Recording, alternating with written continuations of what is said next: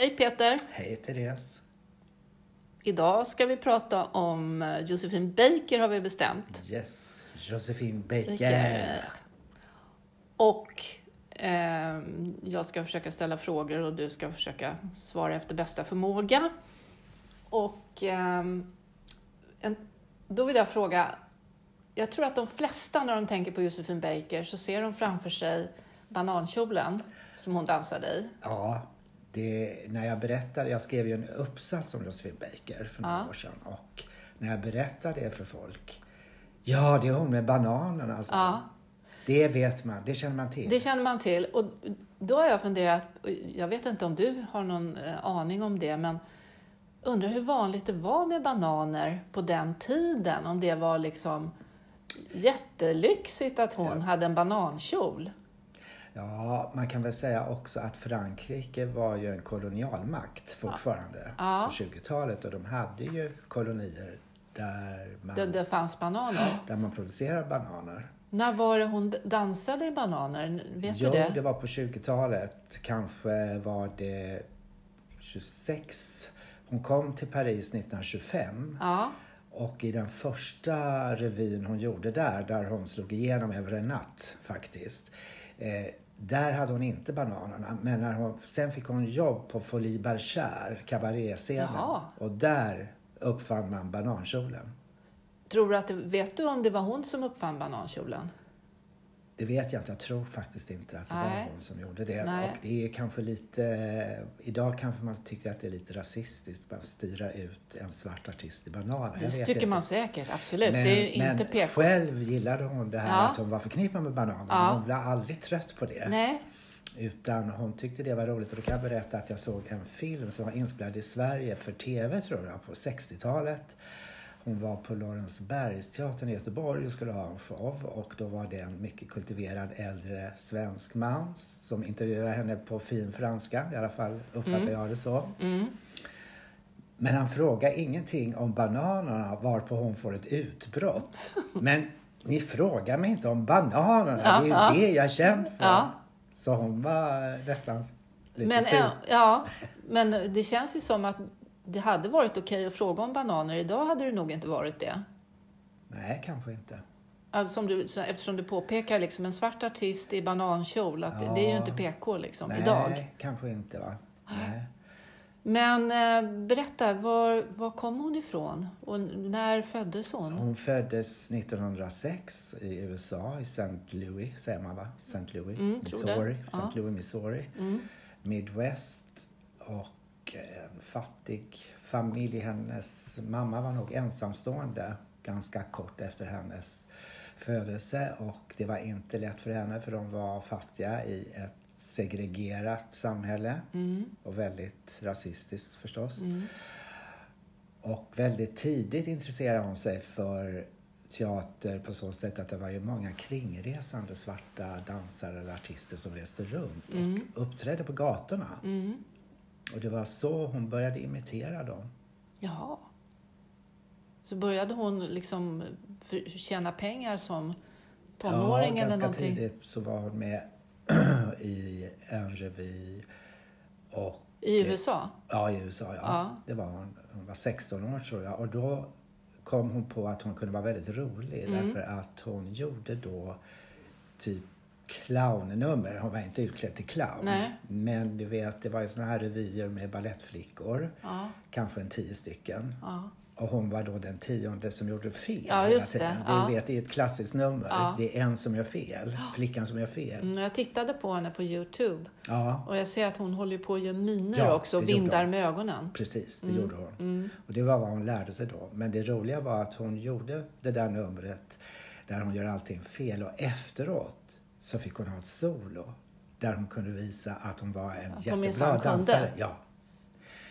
Och hon uppmärksammades faktiskt en del så hon fick så småningom jobb i New York på en sån här eh, klubb, nattklubb, The Plantation heter det. Jaha. The Plantation Club eller något sånt där. Alltså eller, plantagen? Ja, jag tror faktiskt det. Det låg i Harlem. Ja. Och sen var hon även på Broadway i någon show och hon lyckades få, kommer jag ihåg, jag läste att hon fick plötsligt mycket mer betalt. Hon, men hon var ingen stjärna. Men var hon drag, alltså var det jag skulle fråga, var hon inget dragplåster ännu? Nej. Och hon hette väl inte Baker ännu heller va? Hon hette, Jo, hon, hon gifte sig Baker väldigt ung. Hon var Jaha. bara 13 år när hon gifte sig första gången. Sen Oj. gifte hon sig med en annan som hette Baker. Hon ljög om sin ålder, det var därför hon kunde gifta sig. jaha, oj. Men det var nog för att komma hemifrån, för Ja. mamman var inte lätt att tas med. Hon var Nej. psykiskt sjuk. Tror jag. Mm. Hade hon syskon och sådär också? Ja, det tror jag, men jag kommer inte Det hade riktigt hon ihåg. säkert. Ja, jag kommer Ja. inte riktigt Skulle hon ihåg. vara Hon ensam hade barn? Nej, det tror jag inte. Ja. Nej. Ja, jag strunt i det. New York, gift, New York. Baker. Hon heter Baker. Hon heter Baker och eh, hon är med i en show på Broadway. Och då kommer det en talangscout från Frankrike. Mm. Eller nej, hon var nog kanske inte från Frankrike. Men hon hade fått uppdrag från Frankrike av en svensk att hitta svarta artister till en revy. För det var jättemodernt att ha svarta artister, en svart revy. Och Rolf de Marais hette han. Jaha. Och han hade kontraktet för Théâtre de Champs-Élysées, samma teater. Och som vi har pratat om, som Nijinsky härjade på. Precis, det var där Våroffer hade premiär. Ja. Och den hade Rolf de Marais hyrt kontraktet för när han lanserade Svenska Balletten. Vad spännande. Och det var ju en förlustaffär. Han spenderade ju sin mormor som var Wilhelmina von Hallwyl, hennes pengar och sina egna pengar på detta. Oj. Så nu ville han ha någonting som var kommersiellt. Då måste jag bara parentes fråga. Var Rolf de Marais någon slags konkurrent till Diaghilev? Ja, han Hatar de konkurrerade. varandra? Nej, man kan väl säga att Rolf de Marais kanske lite grann imiterade ryska balletten. Jaha, svenska balletten då. och gjorde ja. svenska balletten. Och svenska balletten var nästan ännu mer avantgarde än ryska balletten. Ja. För att eh, det var jättekonstiga saker Men de var, gjorde det, var, det, men var det svenskar med i svenska Ja, baletten? oh, ja, de kom från operan. På samma sätt som eh, Jaglev tog ju dansarna från Kejserliga baletten och från Marinska teatern i Sankt Petersburg. Ja. Och Rolf de Marais tog dansare från operan och de var jätteförbannade på operan. De blev av med Jaha, sina de blev- bästa dansare. Jaha. Så var det. Ja.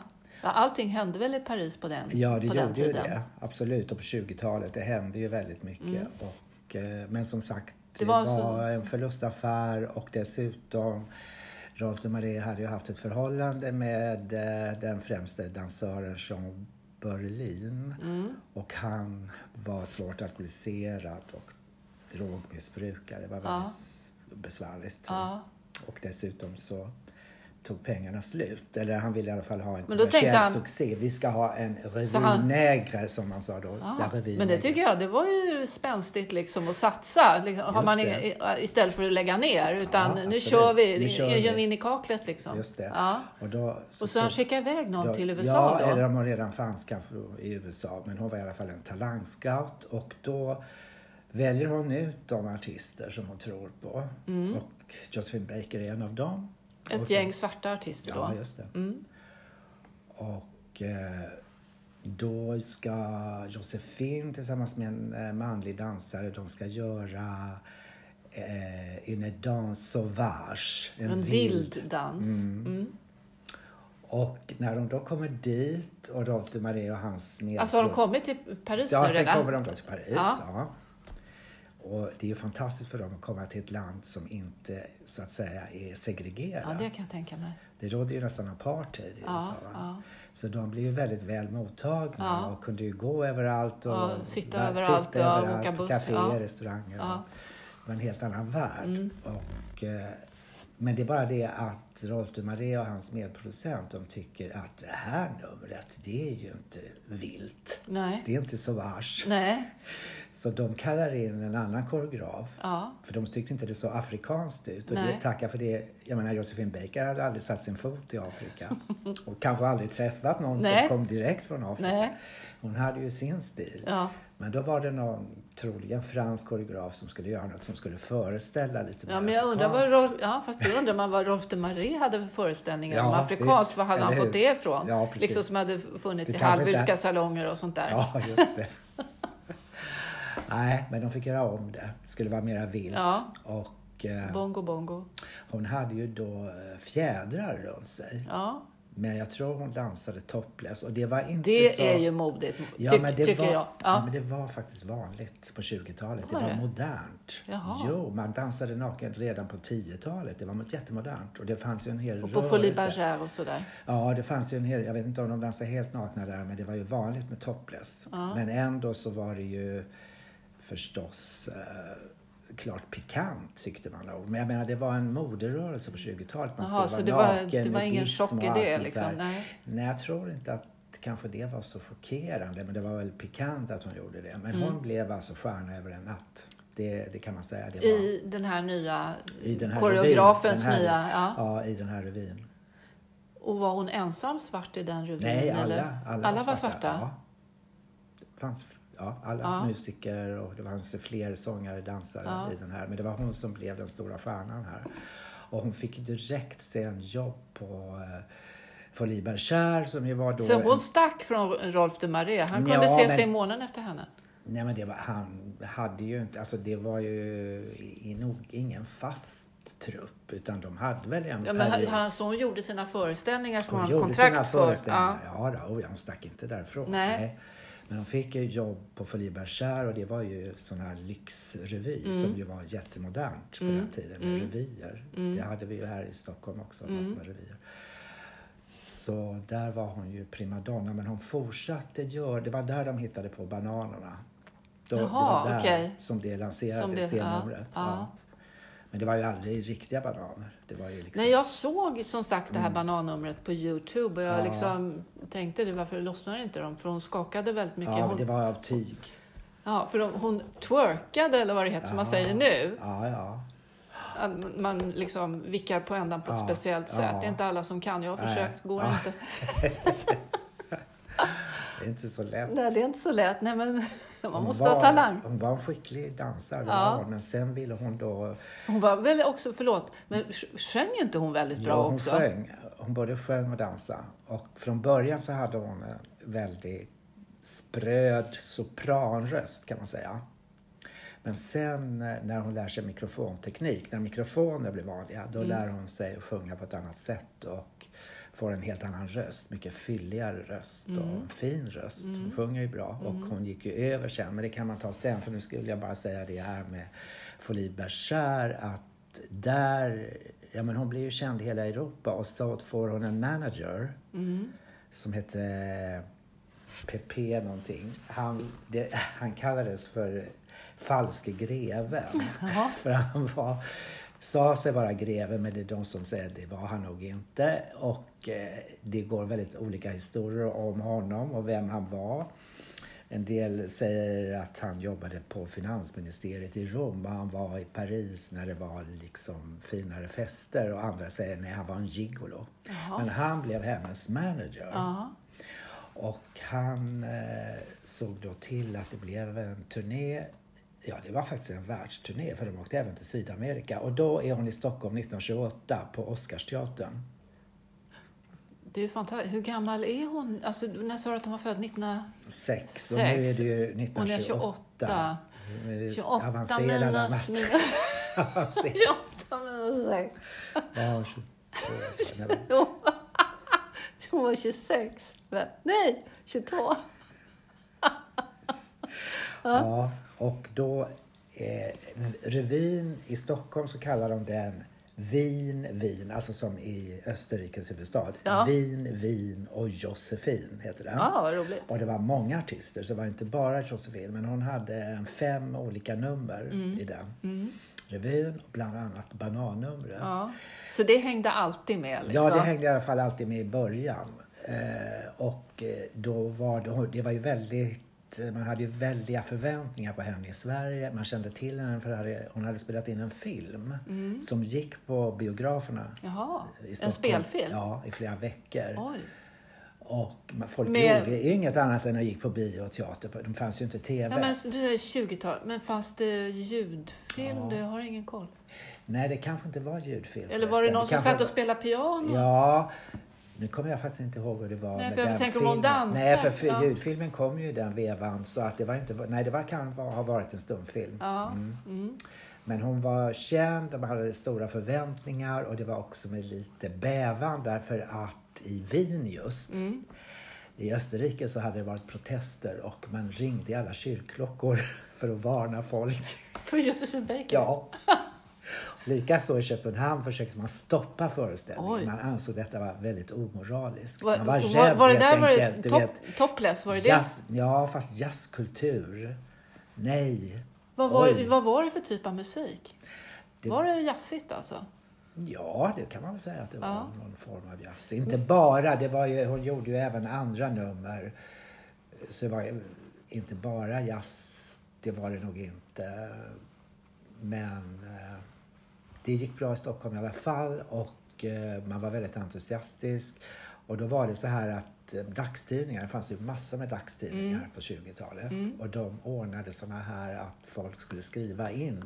Och det Alltså blev insändare? Debatt, ja, det blev debatt för eller, Eller- emot. Josefin. Ja. Och då var det flera som var för. De flesta var för. Det var fler som var för, men några var emot. det. Vad ska vi ha en sån här hoppetossa som springer omkring med bara bröst på Då måste, jag, då, då måste jag fråga. Tror du att även kvinnor skrev till tidningarna eller var det män som skickade in insändare? Ja, det kommer jag inte ihåg om det var både Nu, med tanke på att du säger för, hon var topless och allt det där. Det var jag. ju ändå, jag läste till exempel en recension av en kvinnlig skribent som var otroligt positiv till henne.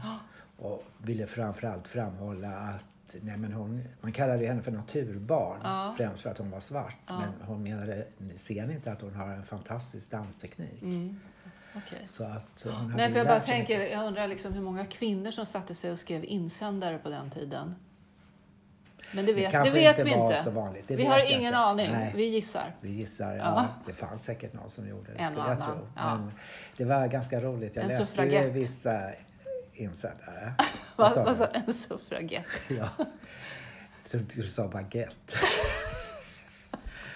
Men eh, det Nej, var, många var väldigt positiva. Det var till och med de som skrev att hon, borde hon är ett föredöme för svenska flickor med sin naturlighet Ja. och sin spontanitet Ja, och så vidare. Ja, så att, eh, Ja. och då, när hon sen kom tillbaka till Paris efter den här turnén, då ville hon ha en annan image. Mm. Hon ville inte vara den här vilda, utan hon ville bli mer sofistikerad.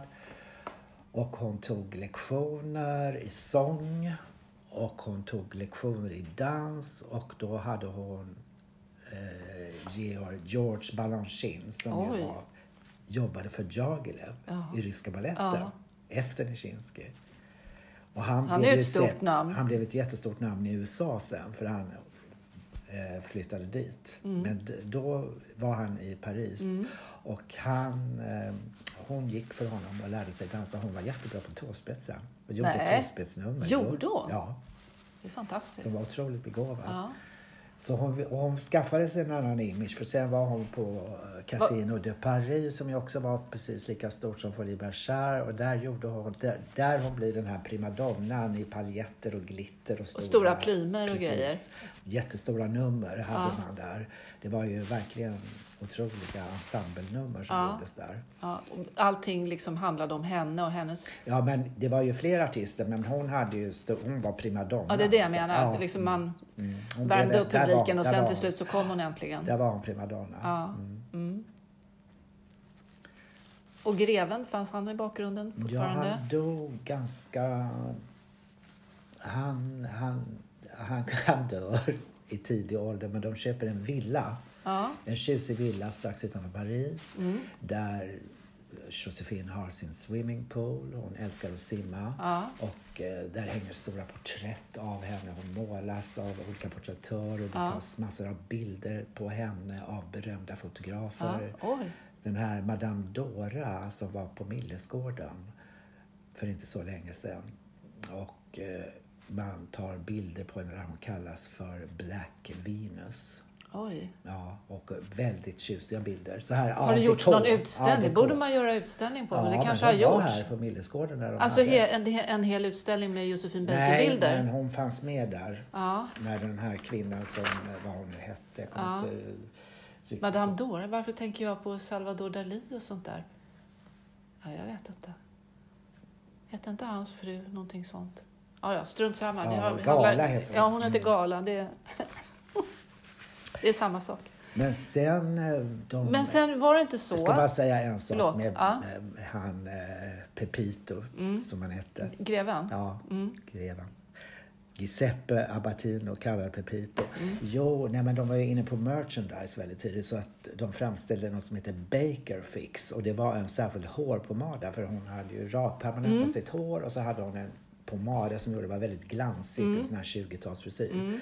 Hon var ju väldigt art déco tyckte man också. Va? Inte bara naturbarn, hon var också art déco. Som det var. Baker Fix var populärt och sen då skulle jag bara säga när hon var i Sverige då hade NK ställde de ut Bakerdocka med banankjol som man kunde köpa. Typ Barbie? Typ. De NK annonserar med det. Köp Bakerdockan hos oss. Undrar om det finns några kvar Ja. som man kan lägga vantarna på. Tala om att ja, det, jäklar. det skulle nog gå för höga belopp. Ja. Tror du inte det? Får kolla på eBay. Ja. ja, det var en parentes. Men Ja. då, alltså, hon får en ny image och sen så gör hon ett försök att även bli känd hemma i USA. Mm. Så- Hur går det? Nej, det går inte Det alls går bra. skogen. Det går åt skogen och hon får sådana fruktansvärt rasistiska recensioner. De är hemska att läsa. Hon är då med i Ziegfeld revy i New York. Oj, en sån där Sigfrid flicke... Ja, fast hon var ju primadonna. Ja. Alltså, eller hon hade ju egna nummer. De kritiserade hennes röst. Att den är för svag. Och hon sjöng ju, som jag sa, hon hade en spröd sopran Mm, först innan hon liksom la om rösten. Och att hon eh, hade... De klagar på hennes tänder och hennes utseende. Och hon kanske är en stjärna i Frankrike men här är hon ingen stjärna. Nej.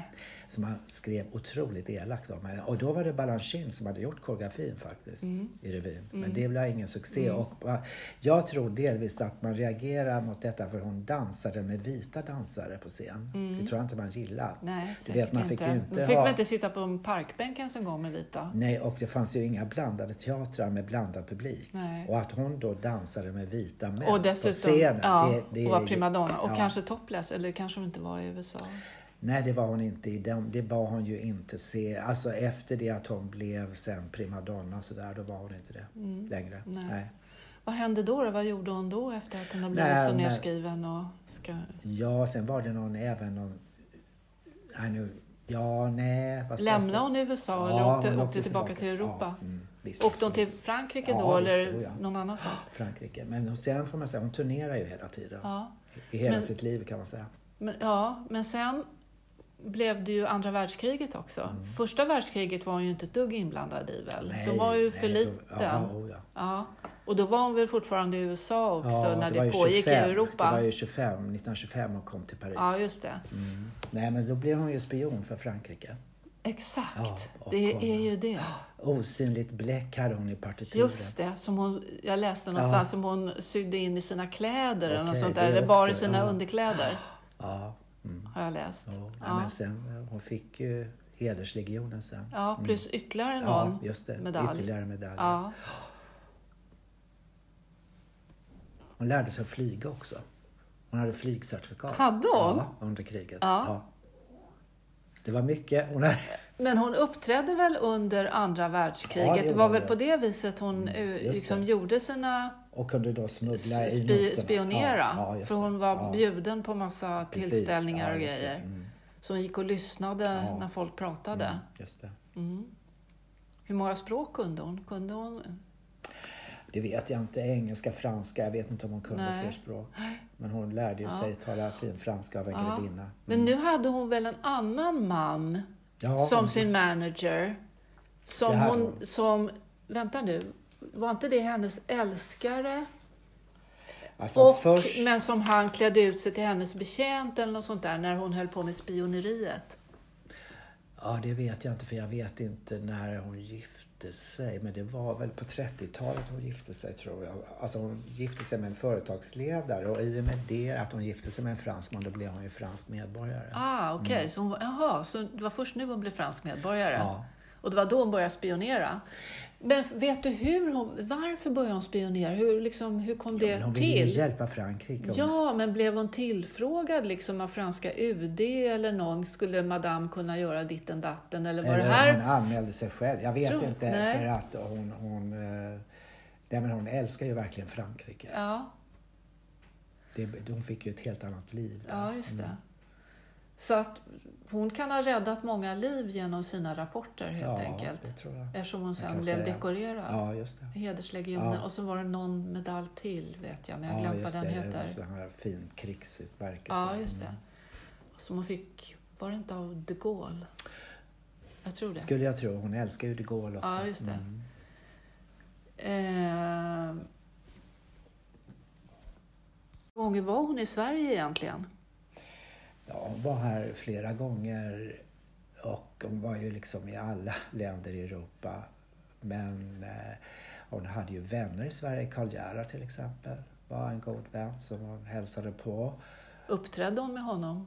Nej, det tror jag inte de Nej. gjorde. Men eh, sen kom hon ju till Sverige då, vi var inne på kriget, så kommer hon till Sverige 1946 och då har hon med sig en ny show på Kinateatern är hon då. Ja. Och det är där hon har med sig med Joe Bouillon and His Orchestra och det är en man som hon sen gifter sig med. Som Aha. leder orkestern där. Ja. Och då är hon framförallt sångerska. Hon Ja. dansar inte längre Nej. kan man säga. Direkt. Vänta nu, när sa du att det här var? 1946 efter kriget. Så då är hon ehm, eh, 40 år helt enkelt. Ah, 46. Mattesnille. ja, då är, hon en, då är hon ju den här stora världsdamen. Hennes kläder är ritade av Balenciaga till exempel. jösses! Och det är massor med olika klädbyten som Ja. hon har. Väldigt Ja. eleganta klänningar. Och hon har en mera repertoaren, det är liksom såna här sånger, romantiska, Chateau till exempel. Sen är ju hennes signaturmelodi som hon alltid sjöng hela livet. Vilken var det? Deux amours, mon pays et Paris. Jag har två förälskelser, mitt land och Paris. Jaha. Den sjöng hon hela livet Ja. igenom. Annars så kunde hon byta repertoar. Ja. Alltså det var ju alltid vissa hon hade med. Men hon sa väldigt tidigt att en artist måste hela tiden förändras. Mm. Och det gjorde hon på sitt sätt. Menar, hon, dels hade hon i och för sig kvar vissa. De nummer som folk antagligen ville se. Precis. Mm. Men sen la hon alltid till, Till nytt material. Ja. Och förändrade också sin eh, scenpersona och sina kläder. För att här på 40-talet så var hon en tjusig världsdam om man säger så. Ja. Med de här Balenciaga-kreationerna. Ja. Sen lite längre fram då börjar hon, när hon, sen, alltså du vet hon får en nedgång sen på Mm. 50-talet. Då tycker man i Paris, nej Josefin Baker, hon är Ja. en has-been alltså. Ja. Men då gör hon en jättestor comeback Mhm. på Olympia Oj. mot Ja. slutet av 50-talet, början Ja. på 60. Där hon tar tillbaka de här plymerna. Du vet, Ja. bananklasen sitter på huvudet, huvudet, istället ja. ungefär. Alltså, då har hon såna där stora kreationer igen Mm. och det går hem då. Mm. Sen på 70-talet så tonar hon ner sig och gör mer intimare shower och sjunger lite mera We shall overcome vet jag inte om hon sjunger men Where have all the flowers gone och så vidare. Så att då, då har hon en annan repertoar. Så Mm. Men den repertoaren hon har, eller den, inte den repertoaren hon har, utan den som hon skapar hela tiden åt sig själv. Är det, vet du om det skrivs någonting specifikt för henne eller är det saker som hon gillar, som hon har hört, som hon... Ja, jag tror Eh. inte det skrivs så mycket specifikt för henne. Just den här Shadows Amour skrevs Ja. för henne. Tror Ja. jag. Men annars så sjunger hon många Sånt sånger som hon tycker om. andra, du vet La Vie en Rose och Ja, sånt där. det. Det sjöng hon ju. Och, eh, Men hon snodde inte från Edith Piaf till exempel? Nej, det tror jag inte. Nej. Ja, La Vie en Rose då. Ja. Men eh, sen sjöng hon ju, jo men hon hade vissa specialskrivna sånger. Det hade hon Mm. ju för Olympia där. Mm. Eh, en del ganska roliga saker. Eh, ja, sen hade hon ju så fin publikkontakt. Pratade ju med publiken. Och okej. Jag Mm. hörde ju, jag lyssnade ju på, tyvärr så försvann själva inspelningen för man hade spelat in showen hon gjorde på Berns på 60-talet. Mm. Eh, Men bilden försvann, men ljudet fanns kvar. Mm. Då hör jag hur hon pratar med publiken Mm. och säger lite saker på svenska. Och Ja. hon har en väldigt varm scenpersonlighet Ja. tycker jag. Bjuder in publiken Ja. till sig. Ehm, vet du om hon skickade pengar hem till sin familj eller så, sådär? Och hur hade hon det själv med sitt eget familjeliv? Ja, hon fick en stor familj för hon adopterade ju 12 barn. Regnbågsbarnen. Ja, regnbågsbarnen. Och då betyder ju inte regnbåg förknippar ju med HBTQ idag. Men Ja. då var det ju att alla, alla etniciteter, att det skulle vara barn från olika länder. Det var ju asiatiskt barn, afrikanskt barn, en pojke från Finland och så vidare. Så alla skulle vara olika. Ja, Så man ville ju bekämpa rasismen. vilket hon ju också gjorde. Det gjorde hon. Eh, Jag hörde att hon talade eh, i Washington Ja, innan Martin Luther King höll sitt stora tal. precis. Så talade hon. Ja, det gjorde hon. Och när Martin Luther King blev skjuten Mm, så vill ju Martin Luther Kings änka mm. att Josefin ska axla hans roll i USA. Oj. Men då tackar hon nej till det, det vill hon inte för Nej. att hon tänker att det är så farligt. Hon har ju barnen att ansvara för. Ja. Hur gjorde hon med barn? Hur liksom... Jag vet inte hur jag ska uttrycka mig, men hur fick hon tag på barnen? Liksom, gick hon Ja. till barnhem och tror adopterade? jag. Jag tror det att det var via sådana kontakter. Och hon hade ett slott då? Då hade Ja, hon ju tjänat massor hon- med pengar. Ja, hon var ju känd för sitt affärssinne också. Jaså? Kunde ta betalt. Ja, vad bra. Och hon ville ha kontant. Ja, Och cash. stoppade ja, i men det... efter varje föreställning när Ja. han var på Berns. Ja. Skulle hon ha cash direkt efter föreställningen. ra, straight into the bra. Ja, det sägs så i alla fall. Ja. Så var det. Eh, ja, nej men visst. Eh, det kostar ju att ha 12 barn. Ja, jag och kan sen tänka hade mig. hon och hennes då nya man ju... Men hade inte de ett slott Jo, eller de köpte ett slott i Dordogne, Chateau de Milande. Ja. Ett stort renässans, eller det ser nästan medeltida ut med sina vallgravar och torn. Har du varit där? Nej, Nej. jag har sett det på bild. Och där så skapar hon ju en, eh, ett museum över sig själv. Det var det jag skulle fråga. Är, är det ett museum idag? Ja, fortfarande. Nya ägarna har kvar utställning av Josephine Baker. Jaha, så det bor några där nu? Ja. Det är inte liksom ett statligt Nej, museum nej, eller så? nej. Men man kan gå dit och Man titta kan gå på? dit och titta på alla hennes scenkostymer och man, kanske man kan se hennes säng. Hon köpte ju Marie Antoinettes säng. Gjorde hon? Ja, det sägs så att det var Marie Antoinette. Det är Ja, det var väl själva Ja. sänggavlarna. Men, Ja. men jo då, Ja. den sov hon i. Passar ja, ju henne. Ja, det passar henne. det är henne väl unt. Ja, absolut. Ja. Nej, men, och sen var hon ju tvungen att dra in ännu mer pengar hela tiden. Va? Det är dyrt ju- med slott. Ja, och jag tror egentligen kanske hon inte ville fortsätta som artist. Men det var ju tvunget. Och då hade hon ju andra som hjälpte henne som tog hand om barnen, en barnsköterska. Och sen tog hon ju hand om sin mamma, fick flytta till Ja, Sverige. det var det liksom, fall hon understödde sin ja. amerikanska Mm. familj. Mamman kom dit. Jaså? Ja. Ja. Men det var inte så lätt för henne. Och sen är det ju det här eh, tragiska då att eh, de måste lämna slottet. Vad var det som hände? Ja, det var väl någonting med hon hade många fordringsägare så att säga. Betalade hon man- inte sina Nej, räkningar? troligen inte. Hon Det, kanske... blev, det blev för mycket för henne alltihop. Vet du. Det blev bara en enda. Okej. Så att hon kunde inte betala räkningarna och Brigitte Bardot. Hon kanske var en väldigt generös person och då förväntar sig folk hela tiden att hon Jo, ska tror- betala, tror hon betala, betala, betala. Ja. Jag får också den känslan. Brigitte Bardot engagerar sig i hennes fall och försöker starta en stor insamling till Josephine Baker men det blir väl inte tillräckligt med pengar så att hon blir mer eller mindre hemlös med 12 barn och då får hon flytta till eh, vänner och så vidare. Men den som räddar henne är prinsessan Grace. Quel grace. Ja, Grace. Ja. Som Av Monaco. hon kan flytta in till en villa som jag tror låg kanske i Frankrike. Men, Men var inte det Monaco? Jo, men om det var på gränsen till Monaco. Ja, det var i alla fall en villa som hon kunde flytta in i med sina barn och där... Bodde hon där till slutet av sina ja, dagar? Ja, Med sina tolv barn? ja, vissa var kanske lite vuxna då, det vet jag inte. Men, och Men de henne- barnen, om man tänker, då måste de barnen, säg, när började hon adoptera barn? På 50-talet? Ja, Då kanske de barnen är 60-70-årsåldern idag? ja visst då ja. Ja, spännande. Ja. Heter de Baker i efternamn? ja. Eh, Nej, en del heter Bouillon efter Bouillon. pappan. Mm, Buljong. buljong. ba, bagare och buljong. Ja, Ja, nej, jag vet inte, jag har inte följt upp hur det har gått för dem. nej. Nej. Men de talar i alla fall oftast väl om henne, Ja. alla barnen. Hon var en ganska stor person då. Gud, många eh, strängar på lyran kan man säga. Jo, visst. Och eh, sen, hon kallades ju för The Comeback Queen. För hon gjorde comeback hela tiden. För hon sa det här är min sista Ja. turné. Sen- Men sen sen- fick hon ju vara tvungen att dra in pengar igen. Och då gjorde hon det. Och, och, men sen mot slutet, då var det svårt, eh, tror jag, för henne. Och hon ville liksom göra en stor show igen. Och till sist så får hon då chansen. Det är någon som satsar på henne på en eh, teater i Paris som heter Bobinot. Ja.